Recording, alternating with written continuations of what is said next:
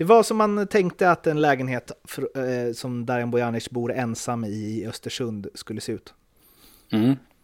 Precis, eh, han somnade ju i Göteborgs omklädningsrum en gång i tiden under någon matchgenomgång. Och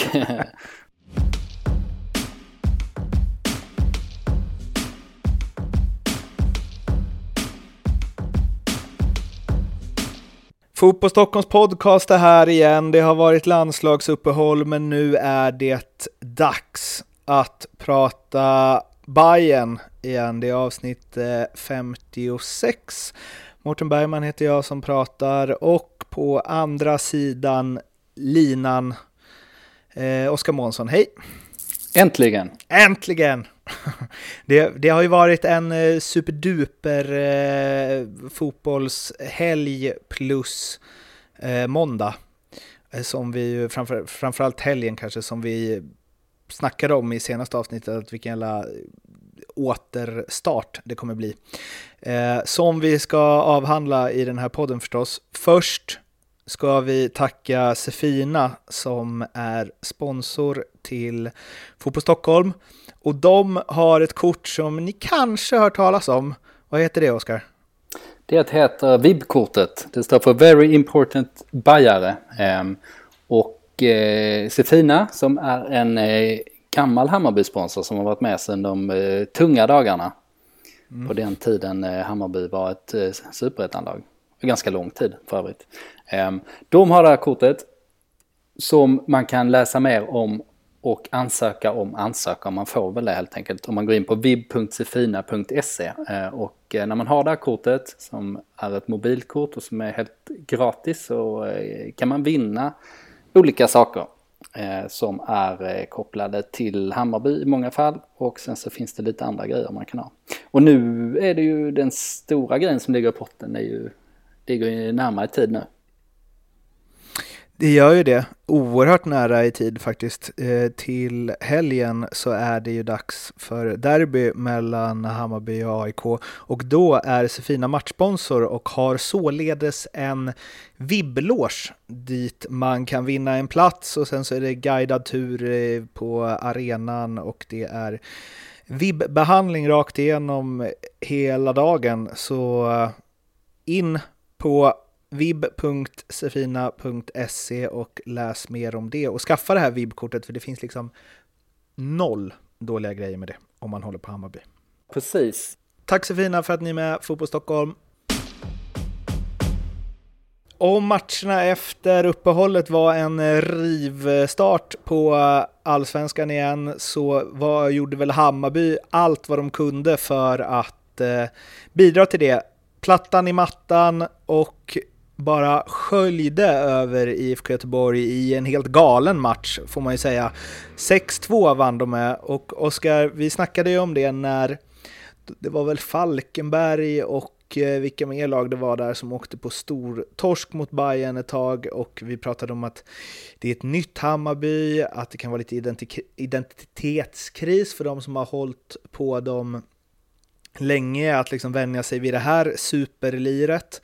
Också att vi sa vad ska hända när de möter lite bättre lag som kanske är lite bättre på att försvara sig. För Hammarby var ju de här matcherna kanske inte ah, svårt att hålla uppe skärpan i försvaret alla gånger när man leder med 4-0, men det var lite strul även mot eh, bottenlagen på hemmaplan just defensivt. Och det ja, misstänkte vi väl att det skulle kunna bli värre mot bättre lag. Så möter de IFK Göteborg som jag har imponerat i år och som verkligen fått ordning på sitt spel. Och då är det liksom som att de möter Falkenberg. Ja, jag kunde absolut inte se det här framför mig. Nej. Um, dels för att Göteborg um, har ju uh, ja, fått mycket uppmärksamhet för att de har spelat kul och plockat fram sina egna unga spelare och sånt. Men det är framförallt att de varit starka defensivt som är deras stora grej. Um, och när Hammarby saknar Kasaniklic och Djurdjic då, då förlorar de en jäkla massa firepower där uppe. Um, det blir väldigt mycket lättare att försvara sig uh, mot ett sånt lag. Tänkte jag mig uh, i vart fall uh, på förhand, men sen stod det ju 3-0 efter 13 minuter. ja. Alltså fullständigt, fullständigt galet är det ju. Apropå det här, den här identitetskrisen som vi pratade om. Som ju eh, folk nog kan vänja sig vid. Men eh, ja, det är ju fortfarande ja, det är något extraordinärt alltså. Att ett lag kan bara göra på det sättet. Vi, vi som har följt sen ett tag, vi är inte så vana vid att det ser ut på det sättet. Oavsett om det är Hammarby eller något annat gäng. Vi var ju inne på huruvida de kunde slå målrekord eller inte. Hur blir det med det? Ja, men jag tror det finns goda chanser. Um, vi lutar ju lite åt att de skulle kunna göra det. Och, och för de som inte minns så är det målrekordet i den nuvarande serieformen 70 mål eh, från Kalmar 2008 var det va? Mm, när de vann guld. Ja, precis. Ja, guldsäsongen som du minns mycket väl. Mm. När du häckade på Fredriksskans. Ja då. Stod inne, inne på Fredriksskans på planen efter matcherna och gjorde intervjuer. Those were the days. du kanske petade in en boll där också i, ja. i mängden. Ja, det var, hade, hade inte märkt i den målkavalkaden. um, 70 mål som sagt. Hammarby har gjort 55 nu på 23 matcher. 15 ehm, till behöver de göra alltså på sju omgångar och om de fortsätter med det här snittet de har då landar de ju på 72 mål. 71, någonting högt var det när jag räknade ut det. Så eh, jag tror att de slår eh, det allsvenska målrekordet. Vilket är en häftig grej såklart. En anledning till att de gör så mycket mål är ju att de har ett eh, pressspel där de vinner boll högt och ställer om eh, eh, superfort. Och det här press, pressspelet, det här pressspelet, eh, där eh, vill du eh, minnas tillbaka Billborns snack under försäsongen. Ja, precis. Ehm, nu googlar jag fram min egen artikel här ganska snabbt, men i januari eh, när Hammarby höll till i eh, en inomhushall i Nacka ehm, och eh, ja, när det var snö på marken mm. Då pratade jag mycket med Billborn om vad Hammarby ville göra och det var jävligt spännande att höra det med tanke på 2018 i färskt minne där Hammarby liksom hade eh, tagit de här första stegen till ett helt nytt sätt att spela eh, den här fantastiska våren och sen så tappar de lite fart mot slutet och, och eh, topparna fanns där onekligen men det fanns också ett visst mått av naivitet i de avgörande lägena. Ehm, och då tyckte jag det var jävligt eh, intressant att höra att, att han ville liksom göra ännu mer av det de gjorde bra. Eh, Hammarby ska bli ännu offensivare, pressa ännu högre. Det är liksom inte korrigera de här grejerna som, man, som kanske varit liksom go-to-lösningen med, med facit i hand. Um, och just det här, den här eh, pressen som då skulle vara högre så sa han så här. Eh, vi ska bli ännu mer aggressiva i pressen, har mer markeringsinslag. Vi började med det lite mot Häcken och Sundsvall i slutet av förra säsongen. Svenska lag eh, har en tradition av, av att täcka, täcka, täcka även när man går högt upp i pressen. Vi ska vara lite mer, ja vi ska springa in i motståndarna, gå tuffare, bryta bollen. Jag tror att svenska lag generellt har svårt att spela sig ur en sån press. Um, och sen gick han vidare och, och prata om hur Manchester City spelade när de satte sitt pressspel som bäst. Och då var det just det här liksom spring rakt in i motståndarna. Eh, mer eller mindre. Eh, och i början av säsongen, framförallt i kuppen och några omgångar in i allsvenskan, då funkar inte det här alls. Eh, och, och då löste Hammarby det genom att eh, gå ner mycket mer, liksom strunta i det här höga pressspelet eh, nästan helt liksom. Och sen så efterhand har man då byggt på under, under säsongen och nu mot Göteborg kändes det som att de var framme helt och hållet. Eh, Göteborg blev såg liksom desperata ut när Hammarby eh, tryckte på som allra mest. Det fanns liksom inga alternativ. Hammarby bara tog bollen och de tog den i farliga lägen och, och tryckte framåt.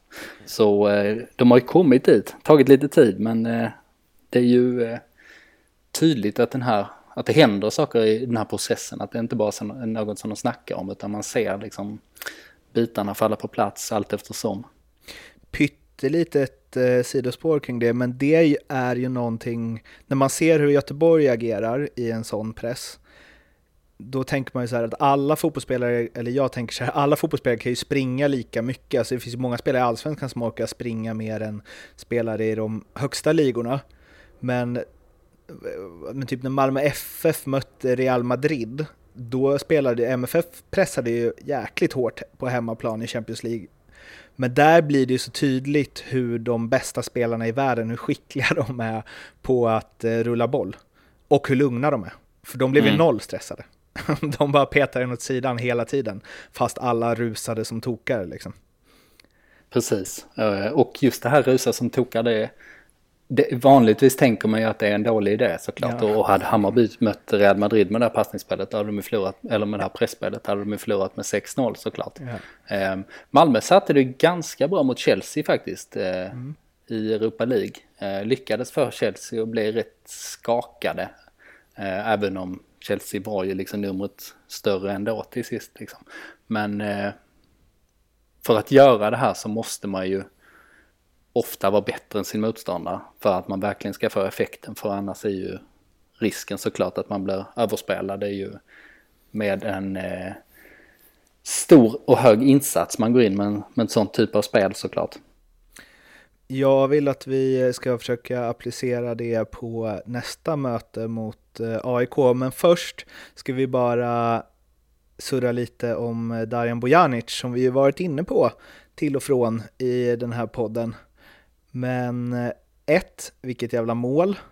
Och sen så satte ju du eh, huvudet på spiken när du sa att det verkar som, som att han ska somna i halvtidsintervjuerna ibland.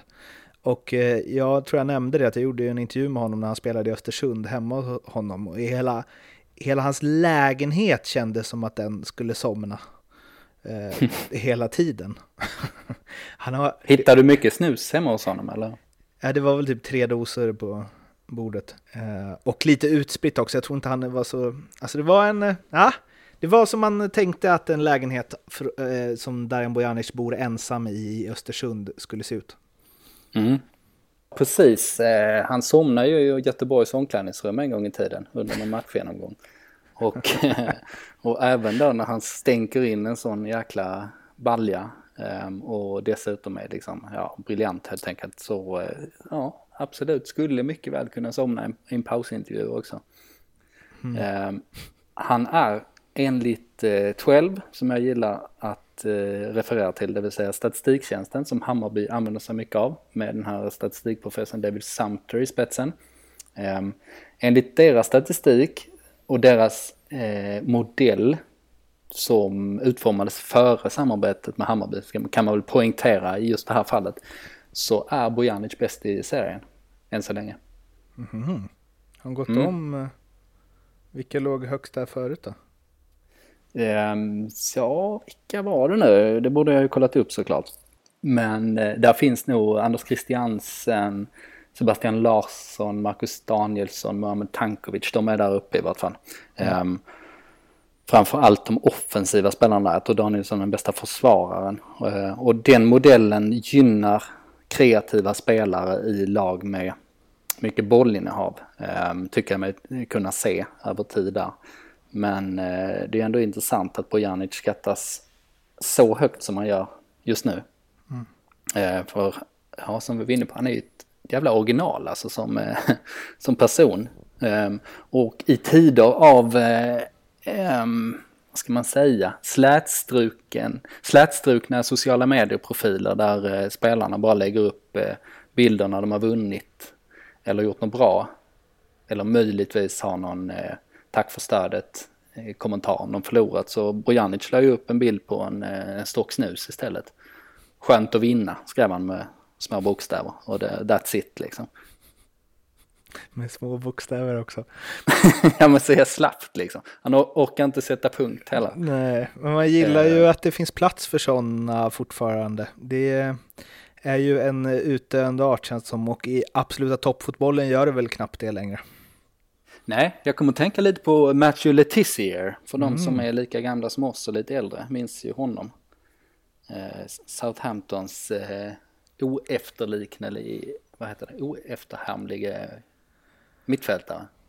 Som eh, han liksom... Eh, Hästsparkarnas konung. Precis, som alltid sprang runt liksom med tröjan utanför byxorna, vilket var en stor grej på den tiden. Eh, och eh, liksom så liksom, eh, ja, skri, skrynklig ut i största allmänhet. Men så gjorde han ju bara sådana här fantastiska mål hela tiden. Mm. Um, och, och var nöjd att stanna i Southampton även om, även om de stora klubbarna alltid ville värva honom. Jag får jag bara få lite sådana här vibbar till Bojanic som vars spelgeni givetvis borde liksom tagit honom längre. Han, skulle ju, han är ju varit en landslagsman nu med om man haft en eh, sån där eh, riktigt målinriktad inställning sen, sen tonåren. Sådär. Om man hade haft Gidettis tränings... Exakt, om man haft Gudettis mentalitet och inte käkat Gudettis kyckling så hade han ju varit eh, startspelare i, i landslaget nu. Oh, det är det man vill ha och att han sen somnar när han spelar i typ Atletico Madrid framför Simeone bara slocknar. Då spelar han i och för sig inte i Atletico Madrid längre, men ändå. Ja, eh, du, eh, man är inte utan att man blir lite sugen på eh, vad Dr. Månsson har i sina protokoll. Ja, han har ju en del att analysera här. För att eh, Kasaniklic Judi saknades ju och sen så, ja, sin vana trogen nästan så fick ju Bayern avvara ett par spelare nästan direkt. Eh, Aron Johansson skadar sig. Han tror jag inte spelar derbyt. Eh, jag tror inte han spelar även om han skulle hinna bli frisk för att han eh, bidrar för lite just nu. Liksom, han behöver mycket mer tid eh, för att eh, komma upp på nivån. Eh, Kalili fick någon liten sträckning. Osäker där, tror jag. Um, Simon Sandberg fick också gå av eh, mot slutet av matchen men där, det var bara någon smäll tydligen så det var ganska lugnt och sen eh, Kasaniklic och Djurdjic är nog båda med i derbyt. Eftersom de vilade av säkerhetsskäl så har man sagt i alla fall och Hammarby brukar vara ganska öppna och raka i sin kommunikation. Vad gäller sånt, till skillnad från vissa konkurrenter. Det är så, riktigt nice att man kan vila de två eh, av säkerhetsskäl och vinna med 6-2 mot IFK Göteborg. Ja, precis. Eh, men, eller Djurdjic var ju... Eh, eh, ja, ja, avstängd. Han var avstängd. Förstås. Mm. Ehm, precis. Det här, ja, vi skiter att klippa det. Mm. Folk får ta den missen. Ja. Eh, här, här är det öppna spel. Ja. Eh, men eh, Kasaniklic var ju, eh, i och, med att, i och med att de chansade lite med honom omgången före och han gick sönder där så, så var det nog smart att vila honom här ändå för att risken är att man åker på liksom en värre smäll. Mm. Um, och med facit i hand var det ju precis rätt val. Och Kasaniklic är ju, eller både Djurdjic och Kasaniklic är ju absoluta nyckelspelare, framförallt i derby. Eftersom AIK är så pass svåra att luckra upp och då behöver man den här spetskvaliteten helt enkelt. Även mot lag som är tajta och kompakta och där liksom tempot dras ner liksom. Då behöver man lite extra dimensioner där. Och nu ska vi dit, jag vill eh, för länge sedan. Men det här pressspelet, Hammarbys sätt att spela, vi sa att ah, när de gjorde det mot Falkenberg sa vi att det kan bli tuffare mot lite tuffare motstånd. Göteborg var tydligen inte tillräckligt tufft, i alla fall inte på hemmaplan. Nu möter de ju ett AIK som kan 30% bollinnehava sig till segrar och som inte ens behöver spela något bra. Mot Häcken till exempel, så de krigar på och Seb Larsson stod där efteråt och sa att jag vet inte riktigt hur vi gör, men vi har någonting som gör att vi ser till att vinna matcherna. Och det ska bli jäkligt intressant att se hur Hammarby på hemmaplan, på konstgräs, tar sig an AIK. Ja, verkligen. För att AIK är ett annorlunda lag jämfört med alla andra. Ehm, pressspelet biter ju sällan på AIK eftersom de har eh, fem stycken spelare där bak. Som de eh, sen kan, eh, liksom, de kan bredda med hela planen. Eller de kan bredda med tre innerbackar och sen spela ut och vila på, på kanterna och sen så har de tre man centralt. Så liksom i själva speluppbyggnadsfasen så har de alltid rätt mycket alternativ. Um, och att springa in i motståndarna där, då måste man verkligen sätta den pressen om man ska ha någon effekt av det. Mm. Um, dessutom brukar AIK lämna över bolllinnehavet ganska mycket. Till exempel som de gjorde i derbyt mot Djurgården. Vi snackade om det, att det var det måste nästan vara rekord i att ha lite boll och, och samtidigt vinna en match. Och då är det svårt att springa, då ska man inte springa in i spelare. Nej, man ska inte det. Mm. Um, och utmaningen mot AIK är ju just det här eh, att Hammarby spelar med eh, mycket fart när det går som bäst. De blåser på, som vi brukar säga. Eh, men mot AIK så är det ju ett motstånd som alltid bromsar sina, sina motståndare effektivt. Så då får man förmodligen anpassa sig lite efter det och liksom försöka luckra upp det och spela lite mer finurligt, försöka bryta mönstren mer. Ehm, och som sagt, därför är det så pass viktigt att man har eh, Kasanikli Tudodic tillbaks, att man har liksom flera olika alternativ som, som eh, AIK måste stänga. Ehm, men ser dessutom på Tankovic så har han ju haft svårt i till exempel derbymatcherna. Han blev ju helt utraderad nu senast eh, när Hammarby mötte AIK ehm, dålig insats av Hammarby där för övrigt i det derbyt. Men ja, där, eh, nu, nu, nu, finns det liksom flera spelare som eh, AIK verkligen måste skärma av om de ska få stopp på det här, den här flödande offensiven. Om de inte får stopp på den flödande offensiven så kommer Hammarby ha 47 poäng när AIK har 49. Om Hammarby förlorar så kommer de alltså vara, eh, vad blir det, 6-8 poäng efter AIK och om Djurgården vinner så är det ytterligare en poäng där, Nio. Och om Malmö också vinner så är de sex poäng efter Malmö också och då är det väl helt kört med guld. Ja det är det, absolut. Då är det ju en liten möjlighet till Europa fortsatt men även det är ju ganska kritiskt. Och det, är ju, det ligger mycket i potten på så, på så vis. Vi har ju pratat om det tidigare att eh, för vissa andra lag så är det ju verkligen Europa är ju ett måste och då pratar vi eh, Malmö AIK för att Malmö på grund av sin eh, tyngd och, och satsning, eller ständiga satsning och AIK på grund av att de spänt bågen så pass hårt och det har kostat så pass mycket så är det ju ett krav. Och för Hammarby finns det ju inte det där på alls samma sätt. Liksom. Om de missar Europa så, så står ingenting och faller med det. Eh, men eh, det är klart, chansen finns och med tanke på förra säsongen så hade ju liksom känslomässigt hade det ju varit eh, tungt att bomma den såklart när det finns inom, inom räckhåll och de har haft de här spelmässiga topparna så många gånger. Det var det för det här Hammarby-avsnittet och vi gör helt enkelt så här att vi är tillbaka dagen efter derbyt, vilket blir på måndag den 23. Eller? Det är vi va? Ja, tycker jag. Mm. Jag ska i och för sig hinna gifta mig också, men vi får se om jag hinner med det. Och jag ska hinna dricka öl på ditt bröllop. ja, det blir härligt. Vi hörs på ja. måndag. Ha det bra, hej! Ha det bra, hej!